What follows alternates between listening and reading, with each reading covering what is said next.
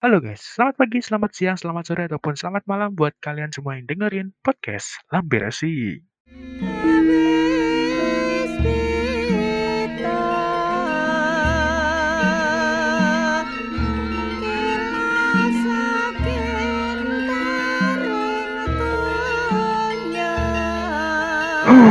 Hajatan di Imola. Aduh, aduh, aduh. Ya sih kayaknya kelihatan flat-flat aja ya, tapi ternyata uh setelah ada gosok voucher VSC dan safety car, ya drama-drama pun dimulai. Ya, yang pertama, oh ya sebelumnya kita mengucapkan selamat ulang tahun kepada Bapak junjungan kita yaitu Bapak Matia Binoto. Nah, semoga Aulani TV-nya makin lancar ya. Semoga sukses ke depannya and please buat kalian semua jangan terlalu banyak head speech buat dia. Seenggaknya hargai Iya. dia. Karena mau gimana pun juga dia seorang manusia. Please. Anjay. Anjay, habis itu balik bully lagi. Ya, Astagfirullah. Nggak, tapi Tapi kan bener. bagaimanapun dia berjasa pada untuk Ferrari. Coba kalau nggak ada dia, nggak ada yang mimpin. Oke, Iya sih, literally. oke, nggak lupa juga nih kita ucapkan selamat kepada tim Mercedes AMG Petronas F1 panjang banget namanya. Atas gelar ketujuh anjay. Tujuh gelar berturut-turut. Waduh ini aduh bagi-bagi apa? Dua rekor lo lumayan. Sebuah pencapaian paripurna bagi tim Mercedes yoi sangat sempurna hingga paripurna paripurna. anjay Ini driver Menurut kalian tim ini eh ya gimana ini timnya doang tujuh tinggal drivernya lagi OTW buat title ketujuh. Hmm, Waduh. bener. OTW kan. yoi Yang satunya kapan itu? apes Yang mulu bro bro apes mulu Ya nasib bisa. Iya. Ya, sekali lagi kita ucapkan selamat kepada tim Mercedes AMG Petronas F1 Team. Buset, panjang amat namanya kayak gelarnya. Iya kan? Nah, ini nih, Imola itu kan kandangnya Ferrari ya. Nah, ternyata nih Ferrari ini berhasil finish di posisi 2. Debrisnya doang. Iya, kalau nggak salah itu eh debrisnya Iya, apa namanya Vettel ya. Nah, itu ceritanya keangkut sama si Botas dan ya ini sekalian bahas kalau bahas Botas ya sama Mercy ini aduh kebiasaan deh. Kalau pas lagi gacor tuh ada aja apesnya. Ya termasuk ini sih termasuk debrisnya Vettel ini kan kalau nggak salah sempat ngerusak eh, floornya Botas ya kalau nggak salah. balapan dia di pertengahan race juga Iya. bener-bener kelihatan hancur tapi kita harus, harus apresiasi juga kerja kerasnya Bottas bisa nahan bisa sekonsisten itu walaupun akhirnya sebuah mistake menghancurkan ritme balapannya akhirnya disalib sama Max Verstappen Dan di sini Max Verstappen, aduh sayang sekali. Aduh, bannya meletus. Aduh. Ada apa Verstappen dengan Italia? Iya. Sudah tiga kali balapan di Italia nggak pernah mungkin belum finish. diizinin sama tifosi Hmm, betul banget. harus sungkem dulu iya harus sungkem Belum dulu. Masih ada dendam kali ya. Aduh, tapi baik lagi ke Botas. Sekali lagi kita salut sih sama Botas, keren ya. Ya walaupun apes sih. Oke, baik lagi ke hajatan di Imola. Sauber, eh Alfa Romeo salah. sama aja lah Aduh, salah nyebut. sama aja Ini sama dua aja Alfa. nebeng Iya nama sih. itu gak ada salahnya lo nyebut Sauber Iya sih. Nah ini nih dua Alfa Romeo. Uh gila sih ini lagi-lagi start Iya. mantep bro. Gimana Well, nih menurut kalau menurut gue kayak emang traits dari dua-duanya di samping Kimi Räikkönen dengan pengalaman yang segudang dan juga dia menjadi satu-satunya driver yang pernah balapan di Imola di samping Lewis Hamilton. Tapi Lewis Hamilton masih GP itu dulu di Imola. Driver F1 yang ngebalap di Imola sekarang ya pengalaman juga berpengaruh dan Antonio Giovinazzi kan juga salah satu driver yang gue juga harus ngakui kalau dia seorang yang underrated dan juga underappreciated. Dia punya traits tersendiri, traits head start gitu mega start jadi startnya gacor parah. Kayak penempatan posisi segala macem bisa dilihat di onboardnya dia pas lap pertama juga lumayan good sampai seorang Sebastian Vettel disalip sama dia.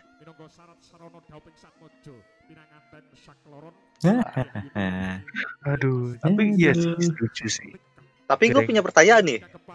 Gimana, Ini gacor gacor kan pas kemarin Alfa Romeo dua-duanya dapat poin. Kimi Raikkonen sama Antonio Giovinazzi walaupun sedikit ada bumbu giveaway gara-gara lawakannya Iya. George Russell gak tahu Iya, mabuk kenapa itu bocah. komedi. Puncak komedi. Ini ada pengaruhnya gak sih sama Antonio Antonio Giovinazzi dan Kimi Raikkonen yang udah pasti dapat seat musim depan. Bisa bisa. Bisa jadi sih kayak gimana ya? Mereka jadi lebih termotivasi mungkin kayak gitu ya. More motivated gitu ya. Iya kan kayak udah pasti dapat kursi kan musim depan. Jadi kayak ya udahlah Bukan bate. Iya. Full power gitu kan. Hmm. Italian power. Oh iya betul ya kalau nggak salah kan mereka juga tim Italia ya. Jadi ya oke lah. Dalam tanda kutip. Literally. tapi ya kalau kembali lagi ya, di kan ngomongin double poinnya Sa Sauber ini kan ada bumbu-bumbu giveaway dari George Russell. Aduh George Russell, aduh, aduh, aduh. Nothing lasts forever. Iya, Dibilang aduh, katanya aduh. king of Aduh, consistency Ratu gitu kan. King of consistency, the future champ, lalala lili ya tetap aja semua orang akan punya uh, punya bad tripnya sendiri kan. There's Iya. up and downs gitu kan. Ya ini kebetulan lagi downs-nya aja.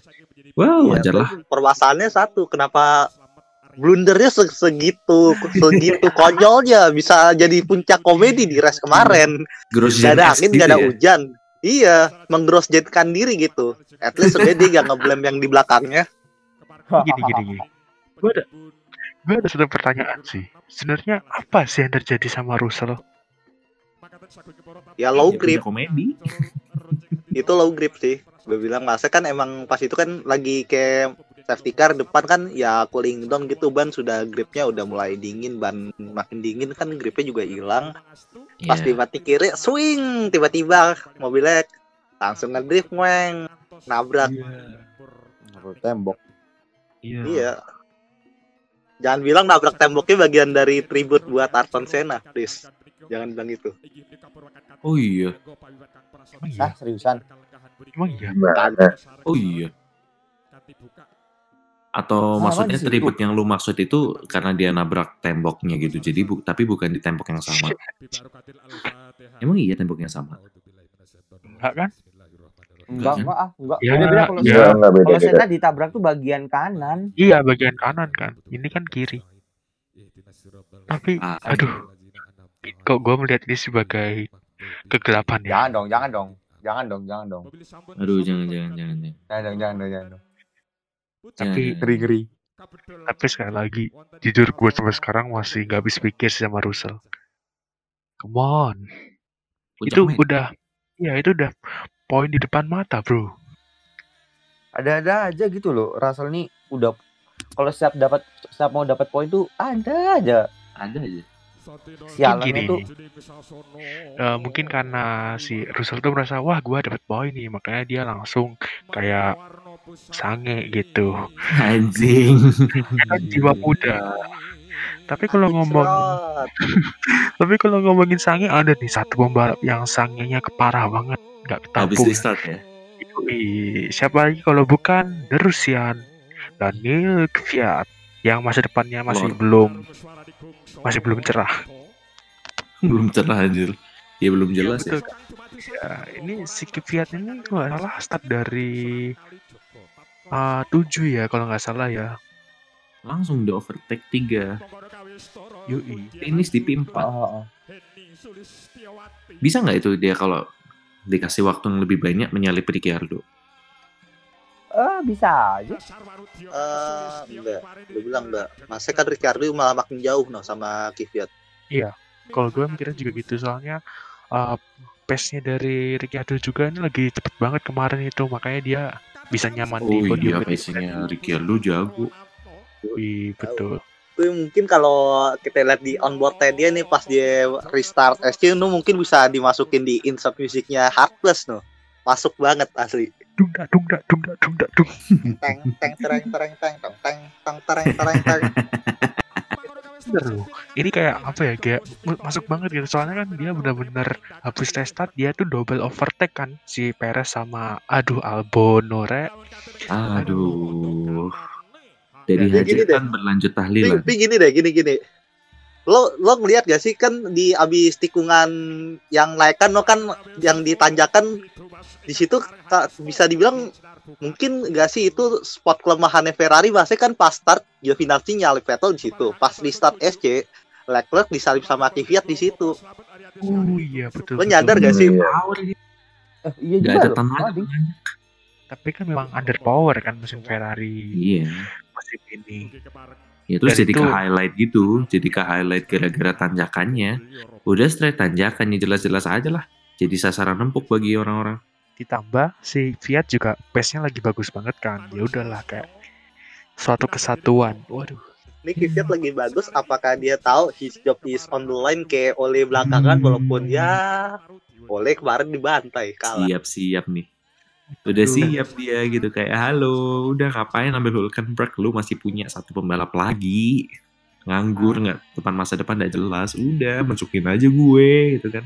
Ed Helmut Marko. Hmm, kan gue dulu juga pernah tuh ke Red Bull tuh. Iya. Udah ada Iya. pengalaman, One more chance udah menang balapan juga, udah dapat podium di Red Bull, balikin aja gue. Kan lu dulu gue matiin, ah, kan gimana sih ngomongnya?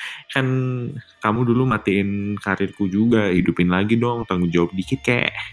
lah yang, ma- lah yang matiin kan bukan dia yang matiin Vettel Iya. gara-gara ngadu. Tapi kalau ngomongin Red Well, Bull nih, kalau ngomongin Red Bull nih, aduh, menurut kalian Albon bakal Albon bakal bakal gimana nih? Is this the end or maybe one more chance? um, buat Alex Albon oke. Let be honest ya let be honest. Red Bull dia ngasih tahun berapa lama? Satu musim lebih. Apa yang Al Albon kasih? Oke mungkin dia driver yang sesuai dengan keinginan seorang Helmut Marko di mana dia driver yang well gue bisa bilang dia little bit agresif bisa kelihatan pas dia narik gas dia bisa too early buat narik gas oke tapi di- dilihat dari pace dia segala macem bagus gak buat sebuah tim bernama Red Bull Racing apakah itu worth it enggak Kurang sih menurut gua. kurang kurang banget banget Betul. sekarang kembali lagi agresif. ke pertanyaan pas di episode-episode awal pas kita pernah ngebandingin antara Pierre Gasly dan juga Alex Albon apakah benar Alex Albon ini cuma sebatas overhype dan dia dia just he just a aggressive driver and everyone likes the aggressive drivers but in the end result always top Yes. Setuju sih. ya iya sih Tapi benar-benar, gue mau tanya, eh bad pacingnya Albon itu memang ada korelasi ketimpangan antara dua mobil Red Bull gitu nggak sih? Nggak, gue tanya aja gitu, ada nggak hubungannya? ya mungkin kayak bisa ya jadi semua orang kayak semua orang tahu kan kayak bagaimana Red Bull itu sangat Vettel, eh, Vettel lagi Verstappen Verstappen, oriented eh, gitu kan, oriented, Nah, sangat iya. Verstappen oriented. Terus saya seperti mengenyampingkan, mengenyampingkan second drivernya gitu udah dari masa-masanya, ya dari masa-masanya Gasler sih. Jadi kayak bisa nggak sih kayak ada kemungkinan kalau ada korelasi di antara ya di antara kedua hal itu. Jadi it's not purely Albon's fault gitu loh. Yo bisa benar bisa sih benar tapi Bisa gini sih. tapi gini tapi gini. Kalau menurut gue ya eh, walaupun misalnya ada korela- korelasi tersebut kalau misalnya skillnya Albon bener-bener bagus harusnya bisa minimal tertutupi lah. Lu bisa poin P P6 P7 harusnya udah udah mendingan lah. Oke lah, oke. Kayak Rick, eh, kayak Ricciardo gitu ya. iya. Iya minimal Iya. kayak gitu iya tapi tapi gue punya tutup, tapi kenyataannya kan Iya. enggak ah, Hmm. nah yang Jadi masuk, permasalahan masuk Q1 aja ngos-ngosan loh Nah, Iya sih. bahkan ah oke besar gini gini gini susah. Gimana gimana? Iya, gini. Si Albon sama Max Verstappen sama Del Ricciardo dan juga Pierre Gasly. Kalau misalkan dibandingin antara empat-empatnya, yang paling mencolok kita bisa bilang Daniel Ricciardo. Tapi lo semua sadar gak sih kalau alasan kenapa Daniel Ricciardo ini bisa bisa membayang-bayangi seorang Max Verstappen bisa memberikan suatu ancaman di timnya bahkan bisa kompetitif melebihi mereka berdua. Sebenarnya bukan masalah skill segala macam. Alex Albon pas lagi di Red Bull, semua orang juga tahu siapa dia. Dia lumayan bagus di Formula 1 juga dia he's good, he's good, he's good driver, he's got a potential. Di level karting juga dia di atas Max Verstappen. Di level karting loh, dia juara satu Max Verstappen, kedua pak pak, pak tiga dulu. Yang jadi permasalahan ini bukan masalah mobil juga, mobil ya ya wajar karena kan si Max Verstappen ini seorang first driver dan juga yang punya talent bagus, current ability bagus, potensial yang gak terbatas juga dengan didukung dengan timnya pasti akan meraih sesuatu yang bagus. Nah, si Albon kan dia role-nya sebagai second driver kan. Seorang second Iya, driver kalau berada di situasi kayak gitu act. seenggaknya iya, seenggaknya de- kalau situasi kayak gitu minimal dia menyesuaikan lah dengan mobilnya si Verstappen. Permasalahan yang sama kayak Pierre Gasly dulu sih gue bilang, bukan masalah pressure juga. Masalah driving style juga berpengaruh. Hmm. Dan di sini perlu diingat juga kalau Alex Albon ini baru setahunan di F1. Jadi di sini jam ter jam terbang Albon juga Iya sih. masih kurang Baru walaupun ya kan walaupun emang potensi dia di F2 bagus tapi kan this is F1 gitu not F2 gitu. Jadi ya jam terbang juga pasti mempengaruhi kan. Tapi Jadi- masih ini jam terbang udah musim kedua loh, udah berapa kesempatan yang dikasih. Harusnya ada perkembangan ya walaupun itu. yang ada Itu. Ya. Kenyataannya enggak. justru malah gue berpikir kalau ini malah menurun sih. Nah, Iya, itu. emang. Iya sih. Jujur aja iya. Dulu dia di awal-awal promising Emang- banget. Emang driving style yang nggak cocok. Ya bisa di compare lah. Kalau driving stylenya si Daniel Ricciardo kan yang rotating, dia secara nikungnya rotating sama kayak Max Verstappen, makanya mungkin itu jadi alasannya salah satu alasan kenapa Ricciardo bisa bisa sukses di. Red Bull karena driving stylenya juga. Si Gasly kan terkenal dengan driving stylenya yang mungkin agak mirip sama Fernando Alonso yang very very extremely understeer. Makanya kan setupnya beda, akhirnya kesusahan juga. Nah Albon juga mungkin gue bilang gue bilang sih ada faktor setup juga sama driving style. Maybe yes, maybe no. Gue gak tahu karena gue bukan orang dalam Red Bull. Well, ini bakal jadi perdebatan sengit juga sih masalah Albon. Apakah masalah driving style, apakah karena pengalamannya yang kurang, ataukah karena mobilnya yang mungkin berbeda spek? Uh, tentunya hal ini sangat kontroversial dan sangat menarik sih untuk dibahas. Dan apakah Albon bisa survive? Kita lihat sejenak.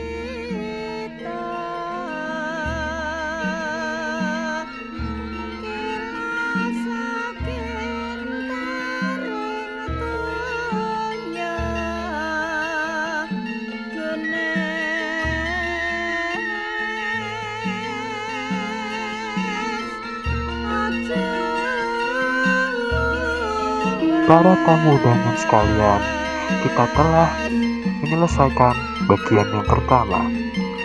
Maka dari itu, di hajatan di Imola kali ini kita akan masuk ke bagian yang kedua.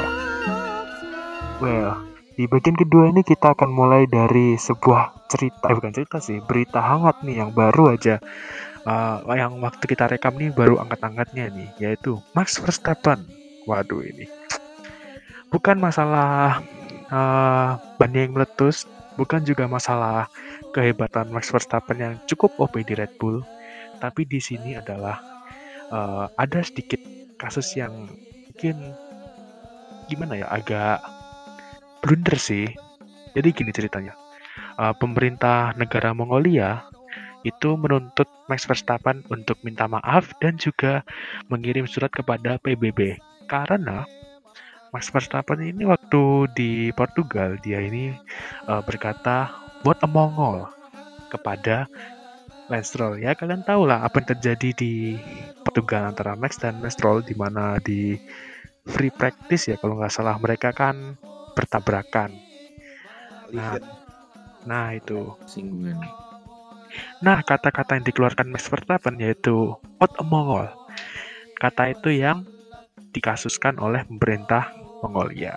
Menurut kalian gimana sih ini? Oh iya, tapi sebelumnya nih, ngomongin eh, kenapa sih Max Verstappen kok bilang a Mongol gitu. Jadi ceritanya gini, kalau di negara-negara Eropa eh, kata-kata what a Mongol itu eh, semacam kata-kata yang biasa sih untuk menyebut orang yang benar-benar idiot seperti itu. Karena ini mengacu kepada sindrom mongoloid gitu. Anjir. What the hell is ada. that? Iya, ada beneran ada gitu sindrom Emang mongoloid. ada. Jadi Soalnya Jadi kan tuh mereka- dari pertama kali ditemuin kan karena Bit racist berpa- ya? ber iya a little bit racist soalnya kan ber, ber apa berpandangan sama nampang orang Mongoloid kala itu sama pas Nah. penelitian sindrom Mongoloid. betul. Hmm. Nah, between eh, abad 19 kalau nggak salah sekitar tahun 1860-an apa berapa lupa.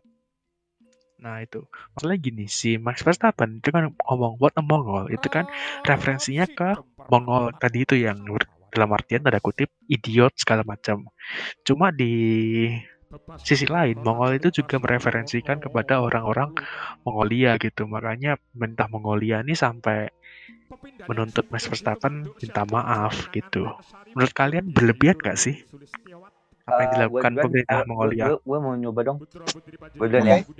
Oke. Eh, sebenarnya sih Max Verstappen nggak salah, tapi karena F1 ini kan yang nonton kan nggak cuma orang Eropa kan ya. Nah, Betul. Nah itu iya. sama sama kayak Dark Jokes, Dark lah, Dark Jokes lah. Uh, gelap. Itu kayak Oke. balik lagi uh, Nggak nggak semua nggak- appropriation nggak semua lah bisa ya. menerima. Ya, ya gue nangkep Tergantung penerimaan persepsi orang. Ya, Tapi kayak makanya gitu itu. wajar sih. Tapi kalau sampai Ya orang lagi kesel, orang lagi ya. kesel terus ngatain kan kayak ya udah wajar, tapi karena Iya refleks, F1. refleks. iya refleks, tapi karena F1 yang nonton nggak cuma orang Eropa, itu yang jadi masalah. Tapi gini Well. deh, kalau misal kalau di posisi kayak gitu sih sebenarnya ya mungkin kita bisa mewajarkan kayak misalkan lo di jalan senggolan sama orang di perempatan lo mungkin bakal teriak anjing lah segala macam atau n word ala Indonesia yang mungkin sering lo keluarin kalau lagi by one man ML. Eh, Indonesia nggak ada Hmm. N-word, adanya Ada. G-word. Apa? Ada ya? Hmm. Ada n word N G E? N T O T. Oh, Nah, Iya anjing. Ah. Beda anjing. boleh boleh Ya, boleh. itu Beda N-word sama Indonesia. Barat. Iya kan n word bar kan ngarahnya ke rasisme. Iya, kalau rais- a little bit rasis. rasisme walaupun itu gak bermaksud rasis sama dengan Mongolit juga. Tapi kan kalau di sini n word itu kan beda artiannya.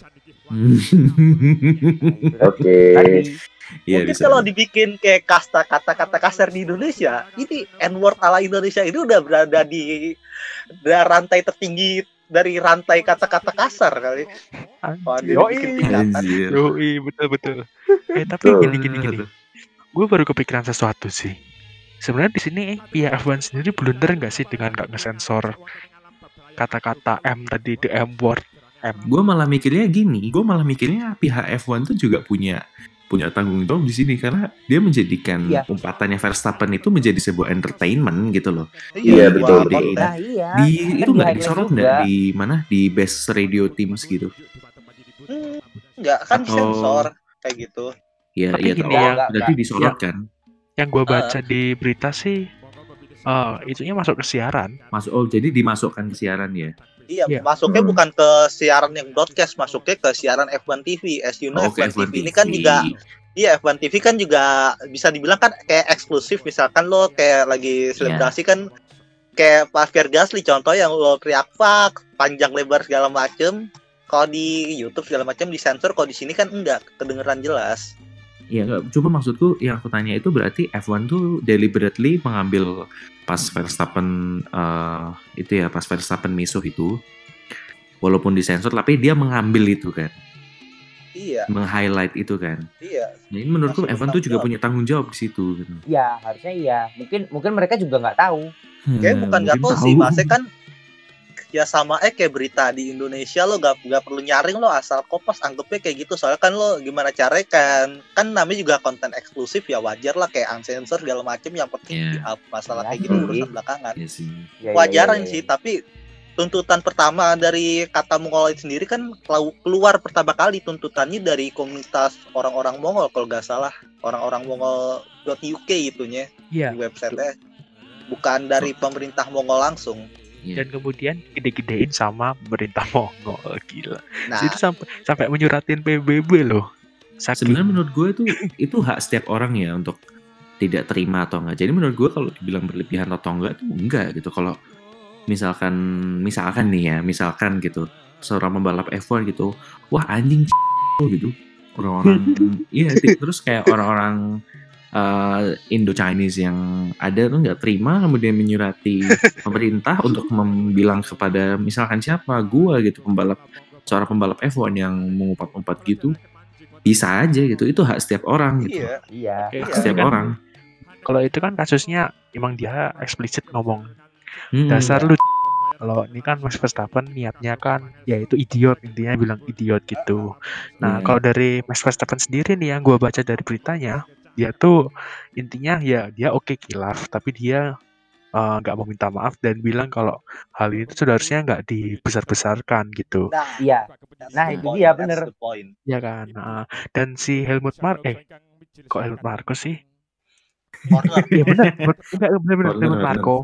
Eh Christian Horner kok Marko Oh. sih. Si Horner, Horner sendiri tuh dia bilang kalau maksudnya kan si Verstappen di sini emosi jadi kayak kata-kata kasar seperti itu itu kan kayak wajar keluar gitu. ya lu bayangin aja lu lagi panas-panas jam siang hari gitu kan di siang hari terik panas lu lagi fokus 100% nyetir mobil tiba-tiba ada orang ganggu pasti lu refleks anjing gitu kan ya Atau tapi kayak ya Oh. atau itu M word gitu kan woi gitu tai lu anjing gitu kan pasti kayak gitu pasti ada Ya, pasti Pasti ada gitu. Oke, gue jadi ke- keinget sama kasusnya Kyle Larson. oh Ah. Menurut kalian apa? Oh.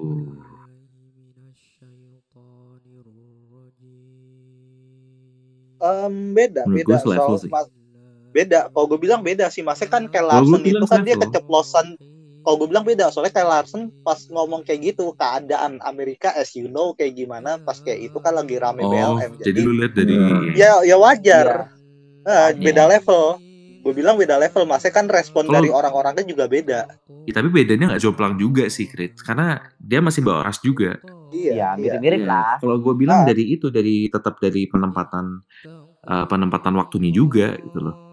Kayak Kyle Larson bilang itu saat uh, keadaan apa Black Lives Matter lagi hot-hotnya gitu kan pas lagi WFH juga awal-awal COVID semua orang stres tiba-tiba ada uh, George Floyd uh, in peace yang di itu terus tiba-tiba boom gitu kan terus Kyle Larson dengan deliberately atau nggak tahu sengaja atau enggak dia ngomong gitu ya tentu aja. Kalau Mongol ini ya itu juga beras tapi kan memang nggak ada hot steak juga saat ini enam Mongol gitu kan ya gue bisa melihat perbedaan yang lu maksud cuman menurut gue perbedaannya nggak terlalu jauh Yang Dan perbedaan di masalah respon aja sih. ya Mm-mm.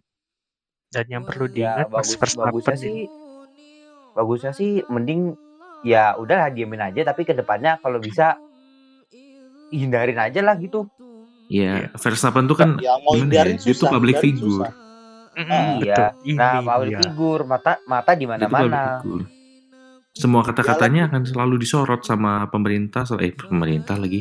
Disorot sama masyarakat. dilihatlah Iya. gerak-geriknya iya dilihat semua orang. Semua orang akan mempunyai dan entitled akan opini yang dibicarakan oleh public figure itu kan termasuk Verstappen. Jadi dia harusnya mikir dua kali lah least. Ya, Pak, Tapi mungkin bukan berarti kayak gitu harus benar-benar 100% kita harus hindarin stok kayak gitu enggak. Ya tergantung situasional, ini masalah situasional. Iya. dan mungkin dibiasakan ya kalau misuh itu misuhnya yang ya yang aman-aman aja lah kayak fuck atau apalah gitu. Atau misal kehabisan kata-kata bolehlah pinjam ke Indonesia gitu ada kata N-word. Jancuk. kata lain Nah, kata lain Yoi. Iya boleh kok boleh boleh. Woi, Dan Tenang cacok aja, kon. Indonesia perbendaharaan kata-kata kasarnya juga kaya kok. Jadi kalau kalian Iya. mau ngambil bagi kalian orang luar juga silahkan Boleh. diperbolehkan. Mungkin Silakan. kalian Oh, pengen pansos itu dengan press press stop menggunakan kata kasar Indonesia boleh. Indo Monggo. represent. Yoi. Nah ini nih yang lagi panas-panas atau lagi hangat-hangat juga nih ada berita lain nih. Lewis Hamilton dan Toto Wolff. Ini gimana nih Apa musim apa depan nih? nih? Ya intinya mereka berdua ini belum mau confirm nih masalah musim depan ini stay di Mercy atau gimana nih? Wah menurut kalian gimana nih? Apakah mereka stay atau ya udah deh pensiun atau gimana gitu? Mengingat Hamilton di sini apalagi sih yang mau dibuktiin? Kalau mau ngebuktiin pindah aja ke tim yang lagi kurang apalagi struggle Hihihi, Iya, gitu pindah aja kayak sih. merah. William. Buktikan diri sendiri di situ atau langsung pindah ke William ya. Pindah ke tim yang lebih itu. Dilihat tuh dia mampu action nggak di situ. Bisa membuktiin diri sih yang lebih challenging gitu daripada dia stay di tim terbaik di F1 saat ini. Terus ya udah mengukir sejarah yang sama, mengukir itu kayak effortless kelihatannya. Tapi kalau misalkan Hamilton melakukan Rosberg S gitu, Rosberg X gitu ya, gue nggak heran juga gitu karena dia sekarang posisinya lagi di puncak kan. Retiring at the summit itu it's the best thing you can do actually kayak kayak nggak ada yang preceding you lagi di situ. happy ending Iya happy ending bener-bener happy ending, literally happy ending kayak Nico Rosberg gitu. Toto Wolff juga bisa melakukan kayak Zidane s gitu, kayak setelah dia memenangkan tujuh apa construction Wait, trophy gitu. dan Zidane ya enggak enggak enggak gini gini Zidane yang itu Zidane yang setelah dia menang UCL ya atau pensiun itu aja beda konteks itu beda konteks dia bukan enggak enggak di situ gua gara-gara potong itu. maksudnya gua potong dari Iya. itunya gua potong dari Oh. Iya, coba coba lihat dari poin gua lihat dulu Uh, anjing sekali pemirsa. Aduh, Oh, tolong dong. Itu masih suasana hajatan. Nggak Apa boleh ini? marah-marah di hajatan. dia rebutan rendang kita rebutan rendang Jadi terbaik. kita rebutan rendang nih Mama bukan gulai rebutan makan rendang. sih. enggak yang mama yang rebutan rendang lo inget gak Iya, gue inget yang beri klat bumbu Iklan sasa anjir iklan sasa ya gitulah ya gitulah maksud gua karena pasti tahu Tapi menurut kalian, kira-kira Hamilton bakal stay atau enggak sih? nggak tahu Stay. nggak tahu hanya dia banget sumpah. Hanya banget. dia dan influencer circle circle-nya dia yang tahu Iya. itu Hamilton open DM gak tanya aja nggak tahu Dia tahu. dia open Kalau dia DM-nya cuma sama circle-nya dia doang Soalnya menurut gue ini kayak bener-bener dia bisa melakukan apa pun yang dia mau saat ini. Kita nggak bisa prediksi juga. Mau Iya, extend ya pula kan- hayu, mau pindah tim ya hayu, mau retire ya hayu, Mau bikin lagu juga hayu. hayu, mau jadi fokus SJW aktivis, hayu hayu. Jadi influencer hayu mau dagang hayu lagi pula kan dia Hayu. juga punya tim sekarang di IX Extreme E. Ekstrim ekstrim E. iya Ya mau jadi tim hayu. prinsipal di ekstrim ini hayu. Apa pun bisa dilakukan saat ini. Ke Formula E juga ayo, ada kursi Ayo. kosong di sana masih ada. Oh gila sih kalau ke- sampai Formula E. Bakalan boom. ah jangan Wah, ntar jadi Formula Woi SJW rusak woi nanti rusak woi jangan Rusak, woi. rusak. Series series orang jangan dirusak Atau dong. mungkin atau mungkin mau iseng-iseng nyoba endurance. Ya, Ya. monggo. Mau nyoba Dakar mungkin, monggo. Monggo. Atau Ya, mungkin ya barangkali F1 mau nyoba ya. roda dua juga monggo Oh iya, betul. Sangat Atau banyak mau- opsi.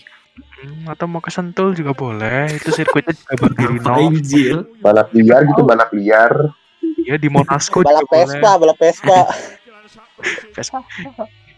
Itu balap. Kebut-kebutan di underpass Balap iya Vespa juga goyang-goyang. Iya. gaya duyung Iya. Vespa duyung anjing motor keong mahal-mahal dibuat balapan sayang no kasihan bapak lo capek-capek kredit DP mahal-mahal kerja keras yang buat dipotol di motornya dia tuh motor kayak keong gitu lo buat balapan bentar. ditai-taiin lo sama Bin banget Grit. Masalah apa Cin masalah pribadi Cin itu balap. Ini. Gue bingung gini. Itu mereka, ada masalah personal kelihatan banget. gue bingung gini coy. Itu mereka balapan atau bersihin jalan pakai kipas? Gak tahu gak ngerti gue. Nih, nih, gini gini. Logikanya orang kalau balapan kan kalau biar cepet dia lurusan lo aerodinamis lo duduk segala macam ini Iya. lo malah rebahan lo megang stand sambil goyangin kaki kayak ikan duyung lo balapan apa berenang? Apa biar apa? Aerodinamik Ada ada yang lagi kesel ini. itu biar koefisien dragnya kecil. Jangan nggak salah. CD aerodinamik 0,17. Yo, itu DRS-nya Vespa tuh kayak gitu DRS-nya Vespa goyang-goyang gitu goyang-goyang ya itu Gue goyang-goyang manual dong goyangin Aduh, lu bayangin deh gue Hamilton. Lu bayangin deh Hamilton. Aduh gue capek woi tolong. Capek ketawa. Lu Hamilton bayangin. pakai gantil back Vespa kipas kipas. Vespa LX bore up. Eh kagak Primavera bore up. Rambutnya kibar-kibar gitu ya. Gue jadi kepikiran anjir. Lu bayangin Hamilton naik motor, naik itu, naik Honda Beat Hilux. Aduh, kacau kacau. Ember lagi ember. Anjir. Iya. Aduh, ini episode kacau nih kayak kemarin hajatan, akhir-akhir kacau kan. Aduh, kacau ini emang. Aduh. Aduh, efek hajatan. Aduh, aduh. Hajatannya chaos. Aduh. Oke guys, jadi ya mungkin itu aja sih dari episode kali ini. Jadi intinya kalau kalian misuh, mending misuh yang aman-aman aja gitu ya. Dan jangan lupa kita masih menunggu kabar dari Hamilton. Semoga Hamilton mau eh, apa namanya ya klar- klarifikasi di podcast kami ya. Mungkin itu aja sih dari episode kali ini. And goodbye. See you in the next episode. Bye. Jangan lupa racing point passwordnya yang beli bapaknya yang misu netizen. Iya iya. Aduh. Ending macam apa ini? Ayo podo bebarengan bal bangun Bali wis moyo wong ayo yo. Sendikot dawuh Kang Mas. Iya iya.